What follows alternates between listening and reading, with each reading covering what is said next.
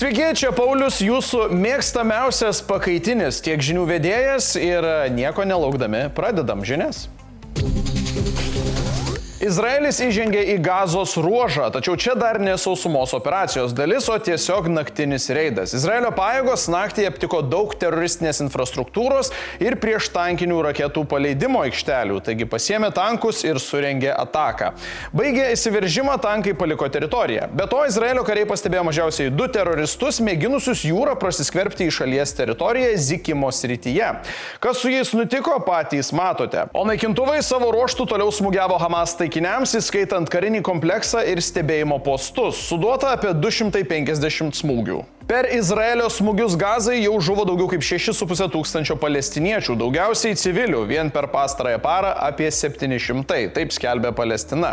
Atsakydami į teroristinius išpolius, izraeliečiai atakuoja beveik visas gazos ruožos rytis. Junktinių tautų koordinatorė sako, kad žmonėms nėra nei vienos saugios vietos. Beje, kalbant apie sausumos operaciją, panašu, kad ji jau būtų prasidėjusi, jei ne užsienio partneriai. Vakar privataus pokalbio metu JAV prezidentas Bidenas Izraelio premjerui griežtai nespausdamas užsiminė, kad prieš bet kokią sausumos invaziją reikėtų susigražinti įkaitais laikomus žmonės.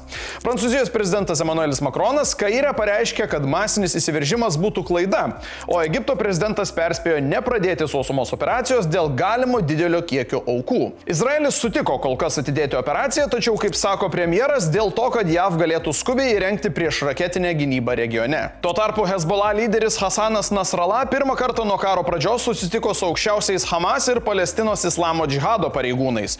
Tai gali reikšti grupuočių bandymo koordinuoti veiksmus, nes Hezbollah jau yra perspėję Izraelį nepradėti sausumos puolimo gazoje. Įkaitų situacija keičiasi, tačiau dėja į blogąją pusę. Izraelio kariuomenė skelbia, kad gazos ruožė yra visgi laikomi 224 įkaitai. Tai yra dviem daugiau nei skelbta anksčiau.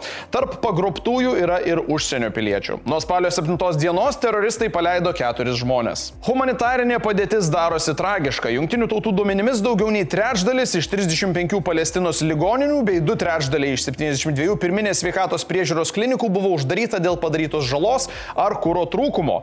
Bent vienas gydytojas teigia operacijas atliekantis be nuskausminamųjų. Dėl Izraelio ir Hamas karo auga įtampa vakarų visuomenėse. Vokietijos ir Prancūzijos vyriausybės jau ėmė drausti įvairias demonstracijas, kurių metu skelbiama parama palestiniečiams. Taip siekiama apsaugoti žydų bendruomenės. Nepykite, bet turiu tęsti su prastokomis naujienomis. Šį kartą apie šūdinus ES narius. Ir ne, neatspėjote, ne apie Vengriją. Šį kartą norą pabučiuoti Putino žiedą bei išangę pareiškė Slovakijos premjeras Robertas Fico. Jo vyriausybė stabdo karinę pagalbą Ukrainai. Kitaip tariant, humanitarinė ok, bet ginklų neduos. Neva jis už taiką. Tuo tarpu Lietuva nuo draugų nenusisuka. Lietuvos diplomatijos vadovas Gabrielius Landsbergis paragino ES norės atsitokėti ir sparčiai aprūpinti Ukrainą žadėtą amuniciją amuniciją. Praėjusią parą įvyko 78 koviniai susirėmimai. Iš viso fašistai smogė 50 aviacijos smūgių ir 49 kartus apšaudė Ukrainos kariuomenės pozicijas ir gyvenvietės iš reaktyvinių salvinės ugnies sistemų. Hersono srityje karo nusikaltelių atakos pareikalavo dviejų žmonių gyvybių, o dar keturi žmonės buvo sužeisti. Tarp žuvusiųjų yra vaikas. Susmirdę pašlemėkai iš įvairių ginklų į Hersono sritį paleido 365 sviedinius. Ukrainos pajėgos nežymiai pasistumėjo į priekį vakarinėje Zaporyžios srityje ir tęsė polimą netoli Bakhmuto. Rusofašistai pasiekė laimėjimą šalia Avdyvkos, tačiau patyrė didelių nuostolių. Jie čia galimai prarado iki 200 karinių transporto priemonių. Be to, nudriskelių ir padugnių armija per parą neteko dar 810 karių. Iš viso nuo plataus masto invazijos ukrainiečiai faršų pavertė beveik 300 tūkstančių kareivių. Iki šio gražaus skaičiaus beliko vos 3 tūkstančiai. Nu, rusofašistai, pasistengiam? Ukrainos specialiosios pajėgos sunaikino priešo amunicijos sandėlį laikinai okupuotame Donetske. Žvalgybos duomenimis amunicijos sandėlys priklausė Mordoro pajėgų brigadai šiuo metu vykdančiai šturmo operacijas Avdyvkos sektoriuje. Na, o laikinai okupuotame Zaporyžios ryties Berdensko mieste pasipriešinimo judėjimo nariai susprogdino automobilį su keturiais Rusijos FSB atstovais. O be fizinių smūgių rengiamas ir ekonominis. ES ruošia 12 sankcijų Rusijai paketą. Tikėtina, kad bus bandoma apriboti priekybą deimantais, aliuminio eksportas ir importas ir dvigubos paskirties prekių priekybą. Jūs beje irgi nepamirškite skelbti sankcijų savo telefono numeriais arba naršyklėmis. Šlovė Ukrainai. Šiandien Vilniuje prie Seimo buvo surinktas mitingas. Jis įvyko dėl parlamentarų siūlomų nekilnojamojo turto mokesčio pataisų. Dalis koalicijos siūlo, kad už nekilnojamąjį turtą žmonės turėtų mokėti papildomai. Mitinguotojai tokią idėją prilygino nusavybės nusisavinimui. Šio protesto organizatorius yra Raimondas Šimaitis. Jis iki šiol aktyviai reiškėsi tik Facebook platformoje. Ten Šimaitis aktyviai kritikuoja valdančiuosius bei nevengia aštriai pasisakyti. Savo Facebook paskyroje kviesdamas į mitingą jis sakė, kad tikslas yra suteikti daugiau galių žmonėms žmonėms.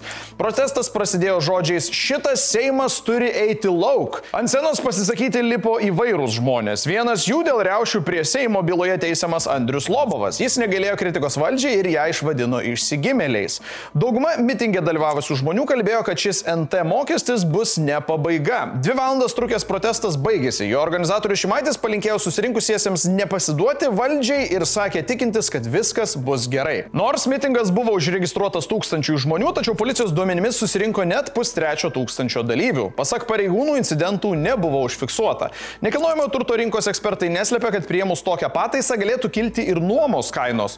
Jų manimų tokį mokestį keletą būstų valdantys asmenys nesunkiai perkeltų ant nuomininkų pečių. Viešumoje diskutuojantys nuomojimus būstus turintys asmenys jau dalinasi mintimis, kad teks kelti nuomos kainas. Protestas vyko būtent tą dieną, kai Seimas turėjo balsuoti dėl šios mokesčio pataisos, tačiau koalicijai nesusitikė nesusitarus, jis buvo nukeltas į lapkritį. Ekonomikos ir inovacijų ministrė Aušrinė Armonaitė jo atidėjimu pasidžiaugė. Anot jos šis siūlymas turėjo per daug problemų ir pridėjo, kad darys viską, jog šis siūlymas neapsunkintų šeimų finansiškai. Jeigu norite pasiklausyti daugiau diskusijų šio mokesčio tema, rytoj įjungti Laisvės TV laidą Kalba ekspertas. Tiesioginio eterio metu galėsite užduoti klausimus laidos dalyviams, šio mokesčio pataisas pasiūliusiam Seimo nariui Mindaugui Lingiai, Laisvės partijos atstovui Vytautui Mitalui bei ekonomistiai Indrei Genijai. Genytei Pikčieniai. Junkitės rytoj 15.30. Blitz naujienos. Internetiniai teroristai su grasinimai susprogdinti šį kartą nusitaikė į Vokietijos mokyklas ir kitas viešasias įstaigas. Šiuo kartu vokiečių teisėsauga mano, kad tokie grasinimai gali būti susijęs su karu artimuosiuose rytuose. Policijos duomenimis vienai radio stočiai grasinantį laišką siuntė siuntėjas buvo Hamas grupuotė. Vyriausioji rinkimų komisija užregistravo piliečių iniciatyvinę grupę sieksiančią surinkti parašus dėl konstitucijos pataisos, kuri leistų savivaldybių tarybų rinkimuose balsuoti žmonėms nuo 16 metų. Šiuo metu savivaldos rinkimuose dalyvauja tik tie pilnamečiai, kurie yra tos savivaldybės gyventojai. Kad pataisa būtų pateikta Seimui, iniciatyvinė grupė turi surinkti 300 tūkstančių rinkimų teisę turinčių Lietuvos piliečių parašų per keturis mėnesius. Parašai bus renkami nuo lapkričio 6 dienos. Generalinė prokurorė Nida Grunskinė prašo Seimo panaikinti gražulio teisinę neliečiamybę. Opozicija sėdi ramiai, dalyvauti nemato reikalo, nes sako, jog Petro užsipulti LGBTIQ atstovai per jautriai sureagavo į situaciją. Vis dėlto Seimo nariai sudarė tyrimo komisiją dėl panaikinimo, už kurią balsavo net 75 Seimo nariai. Kaip sakė Šimonytė, jei nepanaikintų Petro neliečiamybės, tai jau būtų žiauriai gėda. Nu, šiaip man irgi.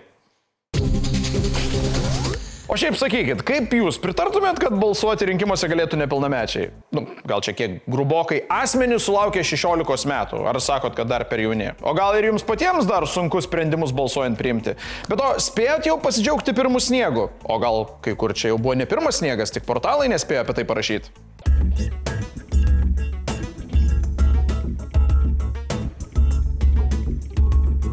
Šokame į komentarų sekciją. Komentatorius Tall Stack kasdien ateina į komentarų skiltį ir klausinėja, kur rasti informaciją apie Tapiną ir Viadą. Rekomenduoju kasdien važiuoti vis į kitą Viadą degalinę ir klausti vad būtent ten. Tiesa, siūlau nerinkti čekiukų iš šiukšliadėžių. Girdėjau, nekaip baigėsi. Tuo tarpu Lysi sako, kad vestų vakar žinias skaičiusią Silviją. Lysi, pirmas dalykas, neužtenka vesti, žmogus turi sutikti tikėti, antra, ji jau vesta. Labai apgailestauju ir apgailestauju, bet mūsų laikas jau baigėsi, tai pasimatome kitose žiniuose. Ate.